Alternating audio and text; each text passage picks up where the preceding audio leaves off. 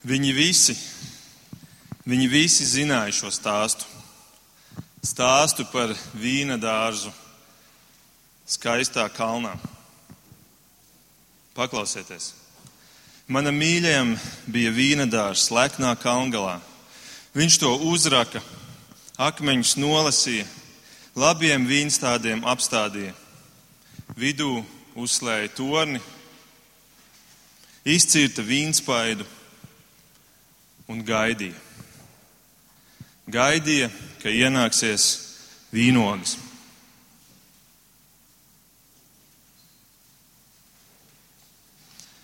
Gaidīja, ka ienāksies vīnogas.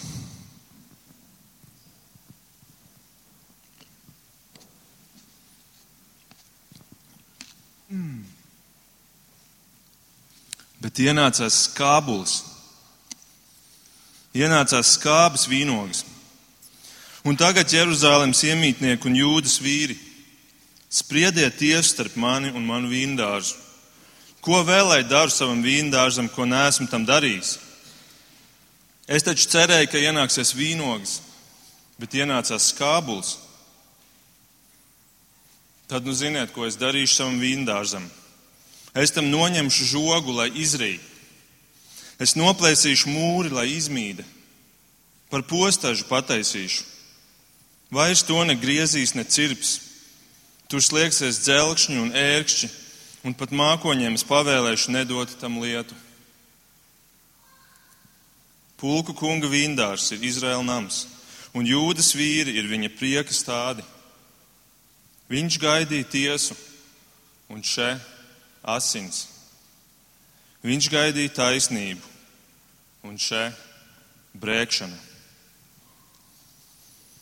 Wow, kas par stāstu, kas par dramatisku stāstu, kas sākās kā tik skaists stāsts, un turpat ir teikts, ka tā ir dziesma, beidzās tādā traģēdijā. Un, ziniet, visi Izraels, visi Izraels, lieli, mazi, jauni, veci, zināja šo stāstu. Šo seno stāstu, kas bija rakstīts Iesaijas 5. nodaļā. Bet šodien viņi dzirdēs šo stāstu vēlreiz, bet citā izpildījumā un no citas mutes. Šodien šo stāstu viņiem stāstīs Jēzus.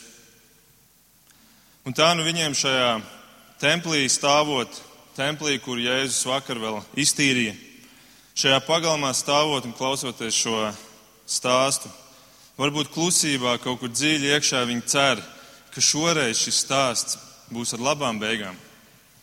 Šoreiz šis stāsts varbūt beigsies ar saldu, nevis skābu iznākumu. Un es jūs šajā rītā arī aicinu klausīties kopā ar mani šajā stāstā. Atveriet ar mani, lūdzu, Mateja evaņģēlī 21. nodaļu, 33. pantu. Mateja evaņģēlijas 21. nodaļa. Un šis ir otrais stāsts triloģijā. Otrais stāsts no trim stāstiem, kurus Jēzus stāsta kā tiešu, kā tieši vērstus pret augstiem priesteriem un rakstu mācītājiem un farizējiem. Pirmā līdzība bija par diviem dēliem, un trešā līdzība būs par ķēniņa dēla kāzām. Bet šodienas stāsts ir par vīna dārzu un ļaunajiem vīnkopiem. Mateja evaņģēlijas 21. nodaļa no 33. panta, un mēs šo tekstu šodien apskatīsim, izskriesim viņam cauri un, un sadalīsim trīs daļās. Būs sākumā līdzība, jeb šis stāsts, kas būs vislielākā daļa, un tad beigās būs izskaidrojums, un pašās beigās vēl reakcija. Tā tad līdzība, 33. pants. Jēzus saka, klausieties citu līdzību. Reiz kāds nama saimnieks iestādīja vīna dārzu, to iežogoja, ierīkoja vīnspaidu, uzcēla torni, līdzīgi, un ne, mēs tikko dzirdējām. Iedeva dārzu vīnkopiem, bet pats aizceļoja. Mēs redzam, šeit ir kāds labs saimnieks, labs, kurš, kurš labi ierīko šo vīndārzu. Tajā laikā cilvēki zināja, ko nozīmē pareizi ierīkot vīndārzu, un šeit Jēzus apraksta šādu Viss ir izdarīts labi, ir iestādīti vienu, vīnogulāji un ir vīnspaids ierīkots augļu audzēšanai un apstrādēji. Ir žoks uzstādīts, reizēm tas bija grāvis, ko izraka, bet parasti tas bija kāds koka vai pat ērkšķu krūmu žoks. Bija tornis uzstādīts, kas bija aizsardzībai pret zagļiem un arī pret dažādiem dzīvniekiem, it īpaši lapsām Izrēlā. Un viss bija ļoti labi izdarīts.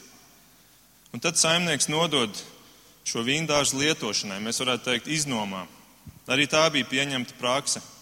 Tas bija kā biznesa modelis. Mēs to varam salīdzināt varbūt mūsdienās ar, ar biroja ēku. Tā tiek uzcelta un ierīkota, un tad tā tiek iznomāta firmām, kuras šajā ēkā gūst peļņu. Un tad šīs firmas maksā īri. Un šī biroja ēka bija ļoti labi uzcelta un iekārtota. Tai nebija nevainas. Un tad saimnieks aiziet prom, jeb varētu teikt, attiet malā, lai šie cilvēki, šie īrnieki varētu darboties tajā. Šajā stāstā šis saimnieks ir Dievs, un vīna dārzs ir Jeruzālēm jeb Izraels, kas ir nodots lietošanai Izraēla bērniem, sākot no Ābrahāma, kad Izraels izveidojās līdz Jēzus dienām. Tad nākamais pants. Kad pienāca augļu ienākšanās laiks, viņš aizsūtīja savus kalpus pie vīnkopiem, lai tie saņemtu no viņiem augļus. Klausītāji teiktu, viss pēc plāna. Viņi ievāc augļus, viss pareizi, visam viss notiek, kā tam ir jānotiek. Labs sākums šim stāstam. Cerams, ka arī šoreiz beigas būs labas. Un starp citu, tas ir atgādinājums mums. Katrs cilvēks šo dzīvi ir saņēmis kā namturs, kā īrnieks šajā pasaulē. Un Dievs sūta savus kalpus, lai nesam norēķini Dievam. Un reizēm Dievs pat atprasa negaidīt, jo mēs neviens nezinām, kad mūsu nāves brīdis būs, un mēs to nevaram izvēlēties. Un tā nu šeit ierodas saimnieka kalpi prasīt norēķinu, ja mēs varētu teikt, prasīt īres maksu vai peļņas procentu. Biroja ēkā ienāk apsaimniekotājs un prasa apmaksu, jo tajā laikā nebija interneta. 35. Um, pants. Kas notiek tālāk? Vīnkopis sagrābuši šos kalpus, citus piekāva, citus nosita, vēl citus nomētāja akmeņiem. Wow, kas te tikko notika? apsaimniekotājs atnāk, ienāk biroja ēkā un viņu piekauj. Un Marks un Lūka saka, ka tur ir nākuši vairāki pa vienam. Un tad ienāk vēl viens un to pat nosit. Un tas vārds nosit šeit ir ļoti brutāls vārds. Tas ir tāds, tāda sišana, ka cilvēks beigās ir jēls, viņam pat ādi ir noraut vietām. Un dažus nometā akmeņiem, Es atvainojos, bet kas tā ir par firmu, kas šādi rīkojās ar savu apsaimniekotāju? Kādēļ jūs to darat? Jums taču tas bija peļņas avots. Kādēļ, lai jūs šādi darītu? Tas nav loģiski. Tas taču bija jūsu labais vīnadārs, kurā, kurā, kurā, kas bija tik labi ierīkots, un jūs varējāt viņu lietot un gūt peļņu no tā. Klausītājiem šis pavisam noteikti bija šokers. Šokējošs pagrieziens stāstā, un Un, diemžēl, tik līdzīgs tam senajam stāstam. Tikai vēl ļaunāks. Tā šķiet. Un šie vīnkopi, mēs redzam, ir tā iedzīvojušies savā birojā, ka viņi sāk uzskatīt to par savu. Un cik viegli ir cilvēkam iedzīvoties šajā dzīvē tā, ka viņam liekas, ka tas viss pieder man. Šī vieta un šis laiks un šī nauda, tas viss ir mans. Un es negribu, ka kāds, kāds, tam, kāds cits tam ir īpašnieks un ka kāds nāk un atprasa no manis kādus procentus. Arī viņi to negribēja, viņi bija iemīlējuši šo vietu. Bet ko tagad darīs saimnieks? Mēs varam pateikt, priekšā nākamais šokers, 36. pants. Tad viņš sūtīja citus kalpus. Iespējams, tie klausītāji domāja, Kā lūdzu saimnieki, ko tu dari? Kāpēc tu sūti kalpus? Tev vajadzēja sūtīt armiju, tev vajadzēja sūtīt bruņotus vīrus. Tu sūti vēl kalpus. Un atkal ir pārsteidzošs, pārsteidzošs risinājums, jeb, jeb turpinājums šim stāstam, un, un, un es domāju, cilvēki ir, ir šokēti.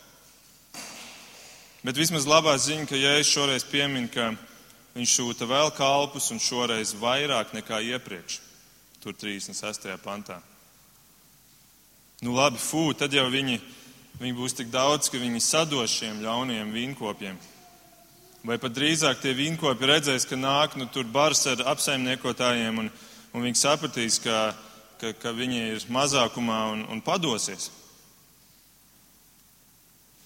Bet izlasam 38. pantu līdz beigām. Taču arī ar tiem viņi darīja tāpat. Viens šoks pēc otra. Kā tas ir iespējams?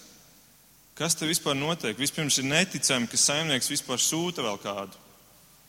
Kā viņš tā spēja, kāpēc viņš ir tik pacietīgs? Tas nav normāli. Padomājiet, mūsdienās, kurš pēc šādas slepkavības biroja ēkā šai firmai sūtītu vēl apsaimniekotāju pārstāvis prasīt īres maksu? Tur ierastos, es nezinu, krimināla policija kopā ar kādu terorismu apkarošanas vienību. Bet šis saimnieks ir neparasti pacietīgs. Viņš acīm redzot, piedod un piedod un piedod un piedod. Neticami. Bet neticami ir arī tā otra puse, cik ļauni šie vinkopi. Pie viņiem nāk pacietībā, un viņi tik slepkavo un slepkavo un slepkavo. Un klausītājiem tas pavisam noteikti bija neticami. Bet tā ir visa tā jēga šim stāstam - parādīt, kāda neticama pacietība ir no Dieva puses un kāds neticams ļaunums no cilvēka puses. Un tā nu viņi slepkavoja vienu pēc otra Dieva kalpus, kas šajā stāstā ir pravieši. Un, ziniet, Jeruzalem bija kļuvusi slavena, ka šī ir pilsēta, kurā nokauj praviešus. Tāds bija dots jau tituls šai Jeruzalemē, šam vīndārzam. Un viņi visu kaut ko darīja ar šiem praviešiem. Ebrejiem 11 ir vienā pantā uzskaitīti, ka tie tika nomētāti akmeņiem, tie tika sazāģēti, nokauti ar zobenu, staigāja apkārt aviju un kazu ādās, cieta trūkumu, bēdas un ļaundarības. Un vecā derība un arī tradīcija liecina par daudz praviešu mocekļu nāvi. Jēsai tradīcija saka, sazāģēja uz pusēm. Joēls nomira divas dienas pēc tam, kad viņš bija saņēmis sitienu ar zīzli pa galvu. Amosu Bētels priesters spīdzināja un beigās nokāva. Habakuku nomētāja akmeņiem par to, ka viņš sludināja pret alku pielūgšanu. Jeremiju nomētāja akmeņiem, Eceķēlu nokāva ar zobenu, Zahariju nokāva, nokāva uz kāpnēm pie altāra, un tad viņa asins izsmidzināja uz tā. Un tā līdz Jānim Kristītājam, kuram nocirta galvu. Dieva praviešu ciltsraksti pasaules vēstures anālēs ir rakstīti ar asinīm. Un šie vīnkopi tur tās asins pildspalvas rokās. Bet ko tagad darīs saimnieks? Nu, gan situācija ir skaidra, tagad gan ir jāsūta armija. Jebkurš cits variants būtu vienkārši absurds. Klausieties, 37. pants. Tad nama saimnieks sūtīja pie tiem savu armiju ar 300 bruņotiem jātniekiem. Nē. Tad nama saimnieks sūtīja pie tiem savu dēlu. Mārks saka, vienīgo dēlu. Domādams, no mana dēla tie taču kaunēsies. Klausītājiem šis stāsts noteikti bija pilnīgi nenormāls. Mēs šo stāstu lasām un, un, un zinām jau un, un pārskrējam pāri, bet viņiem tas bija kaut kas, es domāju, viņiem bija mutes vaļā. Un nekad nekas tāds nebija dzirdēts. Un, un šis stāsts ir pavisam noteikti vēl trakāks par Iesai 5 pasaule palikusi vēl ļaunāka. Un šis saimnieks sūta tiešām savu dēlu, savu vienīgo dēlu. Tu savu vienīgo dēlu sūti pie šī masveida slepkavu bara, kas ir iebarikādējies biroja ēkā, jeb vīna dārzā, un kas viss ir perimetrā guļ apkārt noklāts ar līķiem, kur viss peld nevis vīnogu sulā, bet asinīs. Tur tu sūti savu dēlu. Jā. Jā. Tieši tik liels ir Dievs.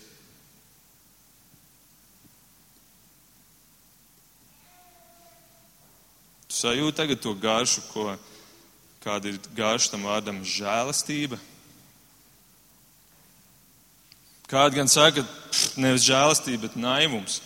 Saimnieks ir ļoti naivs.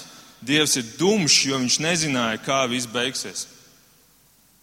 Viņš nezināja, ka viss beigsies slikti. Naivi domādams, no mana dēla jau nu gan tie taču kaunēsies. Nē, Dievs zināja visu ļoti labi.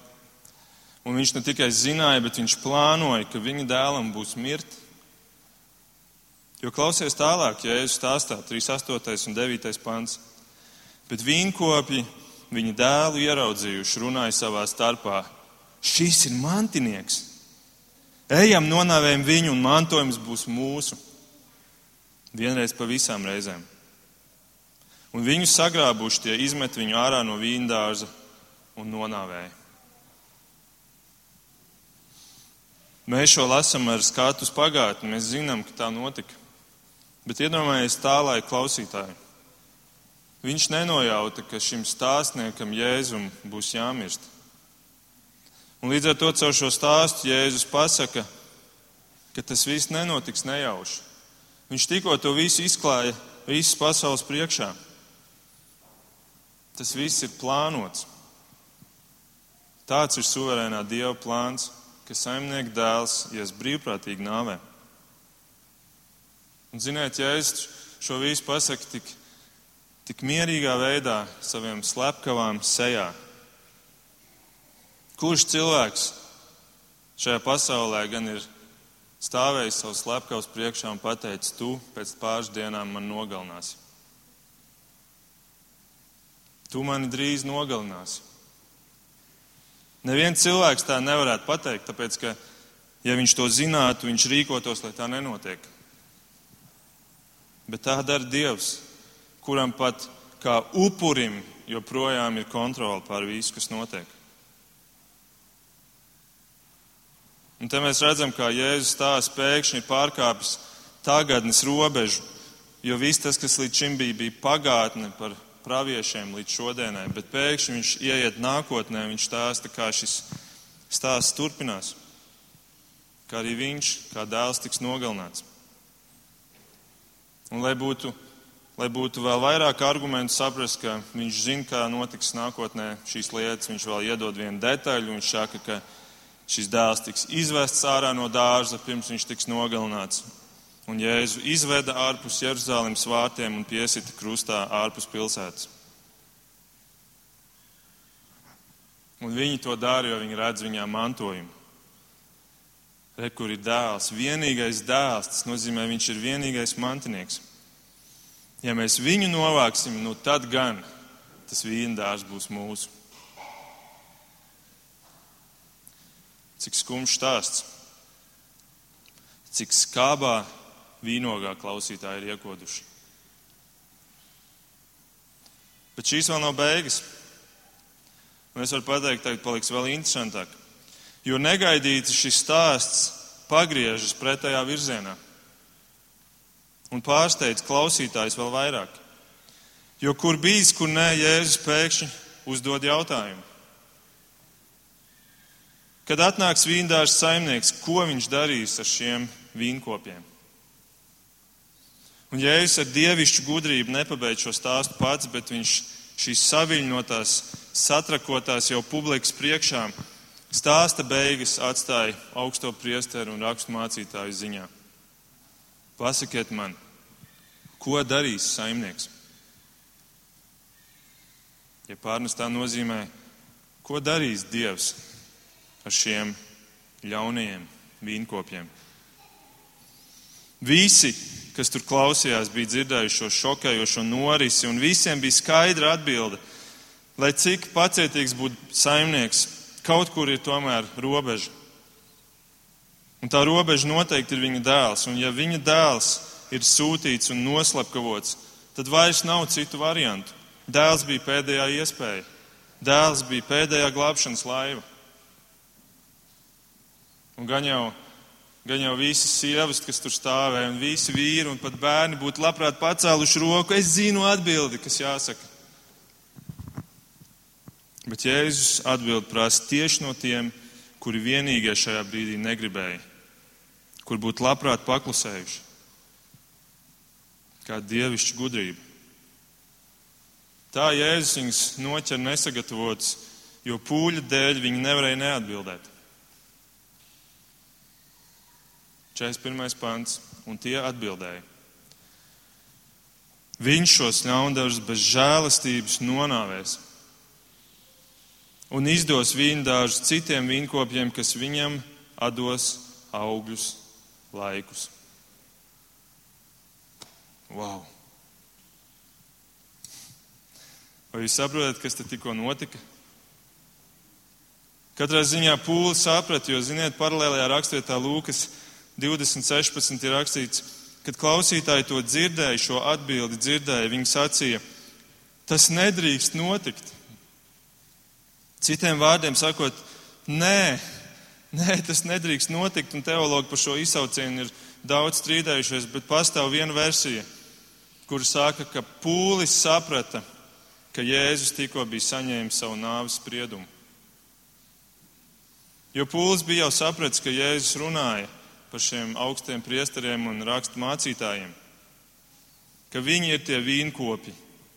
Un ar šo jautājumu viņš bija nolicis viņus šāha mata priekšā, liekot atzīt, kādu sodu viņi ir pelnījuši Dievu priekšā.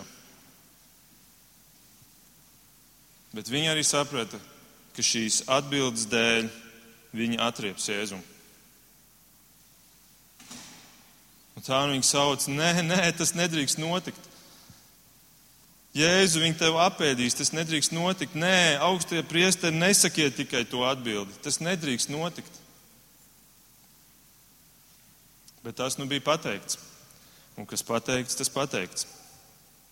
Un pateikts atklāti visu priekšā.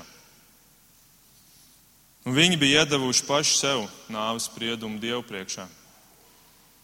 Bet viņu sirdīs viņi bija iedavuši Kristumu nāves spriedumu par šo gājienu. Un es domāju, ja tiktu uzņemta filma par visu šo ainu, tad tagad būtu labs brīdis, kur iestājās klusums. Kur iestājās klusums, bais klusums. Jo viņi apzinājās, ka Izraēla augstākā garīgā elite tikko paklupa aiz viena nemācīta vīra, aiz viena nieka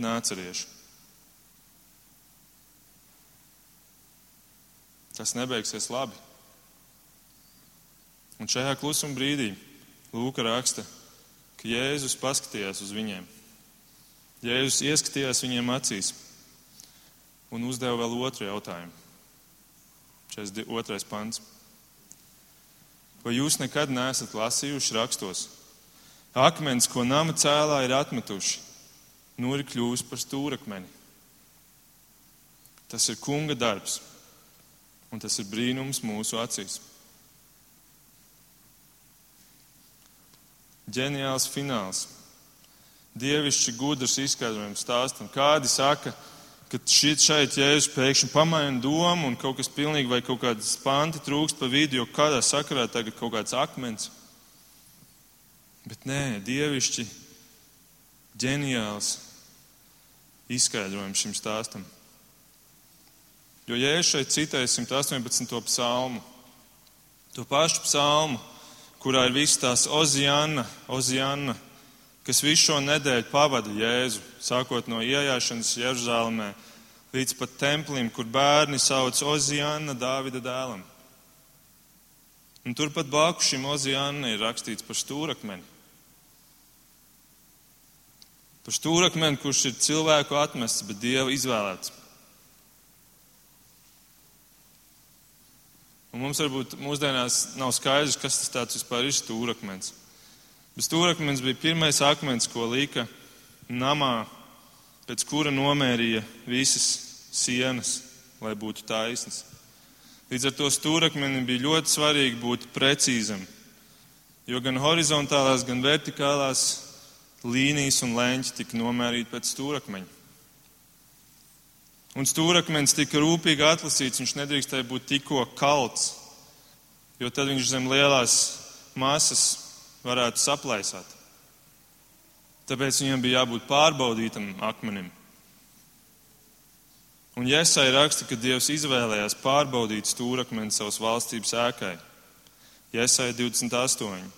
Redzi, es likšu Cijānā pamata akmeni, raudzes akmeni, angliski pārbaudītu akmeni, dārgu stūrakmeni, pamatu pamatu. Un kas tic, tas neiztrūksies. Lūk, Dievs izvēlās šo stūrakmeni. Bet cilvēki pasaka, nedara. Nav smuks, nav pietiekami liels, un dišu manai ēkai. Un cilvēki izmet viņu ārā. Bet Dievs no tās akmeņa čūpas paņem šo akmeni un ieliek viņu atpakaļ. Un jaunajā derībā apstuļu darbos četri rakstīts. Tad, lai jums un visai Izraēla tautai ir zināms, ka nācerieša Jēzus Kristus vārdā, kuru jūs piesitāt krustā un kuru Dievs uzmodināja no mirušiem, Šis cilvēks stāv vesels jūsu priekšā. Šis Kristus ir akmens, ko jūs nama cēlājā esat atmetuši. Tas ir kļuvis par stūrakmeni, un nav pestīšanas nevienā citā. Ne cits vārds zem debesīm ir cilvēkiem dots, kurā mums lēmta pestīšana. Augstie priesteri un rakstu mācītāji ļoti labi zināja, kas vecajā derībā ir teikts par stūrakmeni.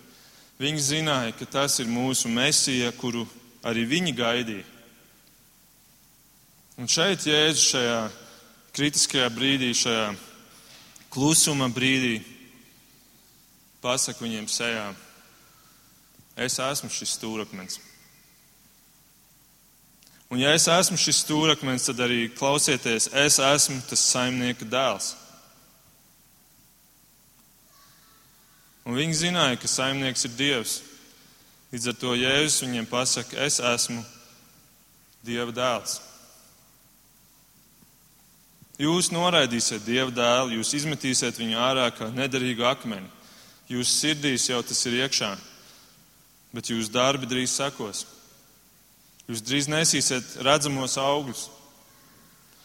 Jūs šo akmeni izmetīsiet ārā, bet Dievs viņu iecels atpakaļ un padarīs par stūrakmeni kaut kam jaunam. Un tādēļ šajā stāstā, 43. pantā, viņš saka, un tādēļ es jums saku, Dieva valstība jums tiks atņemta. Dieva valstība jums tiks atņemta un atdota kam? Atdota tiem, kuri bija vislielākie ienaidnieki jūda acīs - pagāniem. Un Pāvils par to raksta romiešiem 9, kur viņš saka, ka Dievs saka, es saukšu par savu tautu to, kas nav mana tauta. Un savu neiemīlēto es saukšu par iemīlētu. Un kur tiem bija sacīts, jūs neesat mana tauta, jūs pagāni. Tur tie tiks spēkšņi saukti par dzīvā dieva dēliem. Un redziet, tā šis atmestais, no dārza izmestais saimnieka dēls Jēzus kļūst par stūrakmeni jaunam templim. Jaunam templim, kurā mēs, kur esam Kristu, esam dzīvi, dzīvi akmeņi. Arī mēs esam pagāni. Un ne jau rasē un tautībai nozīme, bet kaut kam daudz, daudz svarīgākam. 43. pantā viņš pasaka līdz galam tiks izvēlēti pagāni, kas nesīs augļus. Augļus. Lūk, šim stūrakmenim, šim jaunajam templim, šim jaunajam vīna dārzam būs cilvēki, kuri tā vietā, ka viņi nogalinās dievu kalpus, tā vietā, ka viņi atraidīs dievu, lai nebūtu jāmaksā īri, lai nebūtu jādod procenti, lai nebūtu jānes augļi. Tā vietā viņi labprāt to darīs. Viņi labprāt maksās īri, viņi labprāt dos dievam augļus. Un tā ir pavisam, pavisam, pavisam cita bilde nekā bija vecā derība. Tā ir jauna derība, jauna vienošanās, jauns projekts jaunai ēkai. Viss jauns. Un redziet, tāpēc man mīļie, jaunās derības būtība ir nest augļus. Augļi. Augļi. Un šajā brīdī beigsies vecā derība, un Dieva valstība jums tiks atņemta, viņš saka. Un ziniet, visa tā, viss tas, kas tur stāvēja ar šo eliti, šie vīri, viņi piedzīvos iespējams vēl, ka viņu pašu paudzē šis templis tiks nopostīts.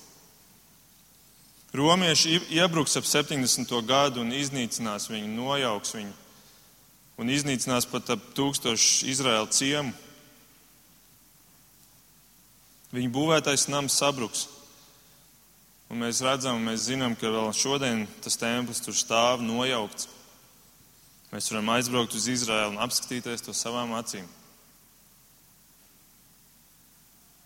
Tas, ko viņi paši pateica par sevi, šis spriedums, tas arī stājās spēkā bet uz Kristus stūrakmeņa celtais jaunais templis stāv vēl šodien. Jēzus Matei 16 saka, es celšu savu baznīcu, un Ēles vārti to neuzveiks. Un mēs esam šis templis. Mēs esam šajā dzīvajā templī. Tā ir jauna ēra. Jauna ēra, kur ir aizstājusi to lielo varano 2000 gadu seno veco ēru, kurā, kurā jūdaisms valdīja. Un šī mūsu nama ēra ir pārdzīvojusi pat Romas impērijas un citas impērijas. Visi cilvēki būvētais sabrūk ar laiku, bet šo būvē Dievs pats. Un tikai tādēļ, ka tiek nesti augļi, tāpēc tas joprojām pastāv. Tādēļ, ka tiek nestas saldas vīnogas, mēs joprojām esam. Un mēs nenesam viņus savā spēkā, bet Kristus, kurš ir mūsos, Svētais gars, kas ir mūsos, to dara. Un, ziniet, daudz draudzes ir nomiruši, to lūk, tur ir izdzisuši, tāpēc, ka viņi nav nesuši augļus. Un mēs varam tikpat labi teikt, man ir viena alga, ko tu saki par sevi. Man ir viena alga, cik bieži tu jēzus vārdu ņem mutē. Man ir viena alga, cik tu dziesmas esi nodziedājis Dievam par godu. Man interesē tikai viens. Man interesē tavi augļi. Kādi ir tavi augļi? Tu varbūt jautā, nu labi, bet kas tad ir tie, kas tad ir tie labie augļi? Kādas ir tās saldās vīnogas? Pirmkārt, pavisam vienkāršākais message no šī šodienas teksta ir ka pirmais auglis būs, ka tu būvēsi savu namu uz šī stūrakmens Kristus, uz Bībeles Jēzus. Un tagad tu to darīsi, tikai tad tie pārējie augļi var sākt parādīties. Un tie pārējie augļi, piemēram, ir aprakstīti Galatiešiem pieci, piemēram, mīlestība. Cik skaists auglis! Mm, mīlestība. Mīlestība, kas, kas apņem visu. Mīlestība, kas ir pacietīga. Mēs redzējām, tēvs bija mīlošs un pacietīgs. Mīlestība ir pacietīga. Un mēs tur redzam mm, miers. Miers. Mm, mm. Tik labs miers, kurš tev kurš tev dod mieru, ka tu vairs nedzīsies pēc pēc tām lietām, kuras tev nedos apmierinājumu, jo tu esi atradzis Kristu. Un miers tas, kurš tev, kurš tev ļaus dot mieru arī attiecībās, nevis meklēt konfliktus un meklēt to, lai, lai savu gribu izbīdītu priekšā. Un prieks, prieks, mm, prieks, ka tu ieraugi Kristu savu prieku dzīvē, un tev nav jāmeklē vairs laicīgi, pasaulīgi veidi, kā kļūt laimīgam un priecīgam. Un tur ir vēl minēts izturība, un krietnums, un labestība, un uzticamība un lēnprātība. Un es varētu paņemt šo un, un ielikt šeit. Jā, mūsu logo ir šie gara augļi. Īlans logo ir šie gara augļi. Un tur pēdējais, kas ir minēts, ir savaldība. Un es ticu, ka Dievs Tā kā es tagad ēdu šīs vīnogas, Dievs ēd šīs mūsu nestos augļus, un Viņš ir priecīgs. Jo viņi ir saldi. Bet kāds ir tās skābās? Es neskāšos klātām skābjām. Man jau pietiek šodienai skābās. Galtiešiem pieci - netiklība, nešķīstība,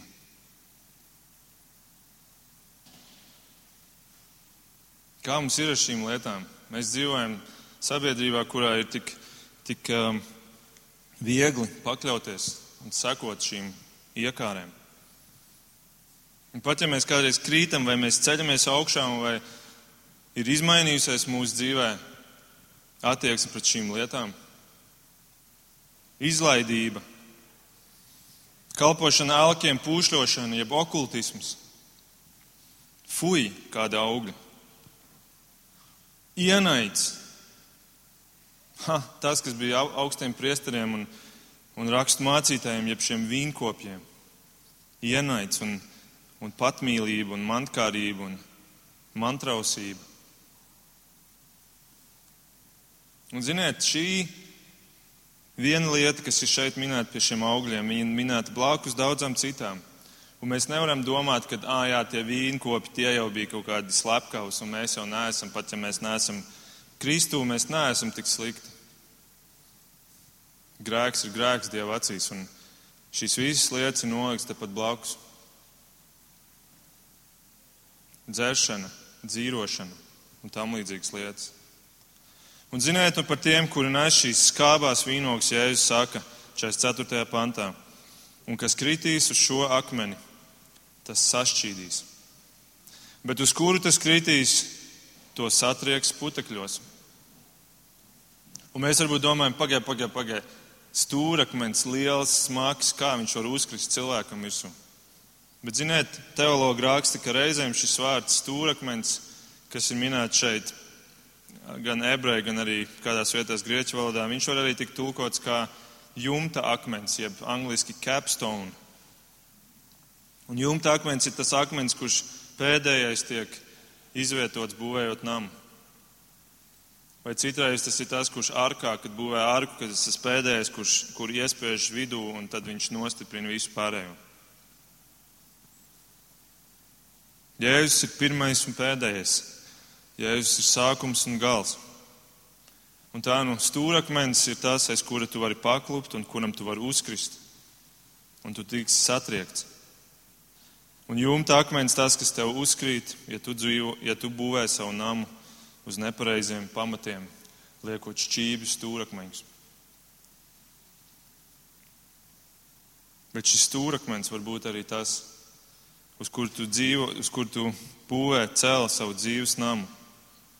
Un tad šis nams kļūs par vietu, kur ir Dievam par godu un cilvēkiem par svētību. Un vai nu būs viena vai otra puse, bet Jēzus prasa izšķiršanos. Ja tu neņemsi Kristu par savu dzīves stūrakmeni, tad tu būsi līdzis citu vietā, un beig beigās tas tev satrieks putekļos. Un pēdējais reakcija, 45. un 46. pāns. Kā tas viss beidzās? Virspriesteri un farizēji dzirdēdām viņa līdzības saprata, ka viņš bija runājis par viņiem. Tie gribēja viņu sagūstīt, protams, bet viņi baidījās no ļaudīm, jo tie turēja viņu par pravieti. Cik loģiski, cik, cik saprotami. Naids un vēlme atriepties par šo apkaunojumu, par šo maskas noraušanu visu priekšā. Un vienlaikus bailes no pūļa, kas vēl joprojām stāvēja aiz Jēzus, un tāpēc viņi to darīja slepenībā, naktī. Viņi varēja teikt, tagad, Jēzus, ka tu mums esi uzrādījis mūsu vainu, tagad mēs, tu esi mūs atkailinājis savā priekšā, un mēs, mums vairs nav kur likties. Mēs atzinām paši savām mutēm, kas mēs esam. Tāpēc mēs nožēlojam savus grēkus, Mēs lūdzam, piedod mums, mēs metīsimies zemē un, un nožēlosim, jo mēs vēlamies būt Dieva pusē. Bet viņi to neizdarīja. Viņi tomēr mīlēja sevi vairāk nekā Dievu. Un divas dienas pēc šī notikuma bija lielā piekdiena. Lielie pļaujas svētki viņiem kur viņi varēja pienest savas skābās vīnogas. Bet viņi katrs jau šobrīd ir atbildējuši Dievu priekšā. Bet mums ir dota vēl šī diena. Šodien mēs svinam pļauju svētkus. Un šodien mēs katrs varam sev uzdot šo jautājumu. Kāda ir mana raža? Kādi ir mani augļi? kādas ir manas vīnogas. Lūksim Dievu. Mīļais Jēzu, paldies par, par šo stāstu, paldies Jēzu par šo pasauli, par visu, ko tu esi darījis, kā tu to esi vadījis. Paldies, ka tu, Dievs, esi tik pacietīgs. Mīļais Tēvs, tu esi tik pacietīgs. Tu esi piedevis, un arī mums mēs esam, mēs esam darījuši daudzas ļaunas lietas, kuras mēs pat neredzam, cik viņas ir ļaunas tavā priekšā. Piedod, lūdzu, kungs, mums un palīdz, ka mēs tavu pēdējo glābšanas laivu, tavu pēdējo doto iespēju, tavu visdārgāko dēlu pieņemtu. Un ne tikai, ka mēs varam lepoties, ka mēs neesam tev pateikuši nē, bet ka mēs tiešām pieņemam tevi, nevis visus tos viltojumus, kas mētājās apkārt, visus tie stūrakmeņus, kuriem ir rakstīts Jēzus Kristus. Bet ka mēs pēc tavu vārdu varam atrast tevi, tavu, tavu īsto stūrakmeni. Un ka tas, kas apliecinātu mums, ka mēs esam atraduši īsto būt šie augļi, Mēs paši nevaram izmainīt sevi. Tikai tu to vari. Un es lūdzu, kungs, ka katrs, kurš šodien ir dzirdējis šo tavu stāstu, ka viņš justos kails tavā priekšā un, un ka arī tu uzdod šo jautājumu, uz kuru nevar neatbildēt. Es lūdzu, kungs, apžēlojies par katru, kurš lūdz kurš vēlās tevi likt kā savu jauno stūrakmeni savam templim. Paldies tev par žēlastību. Āmen.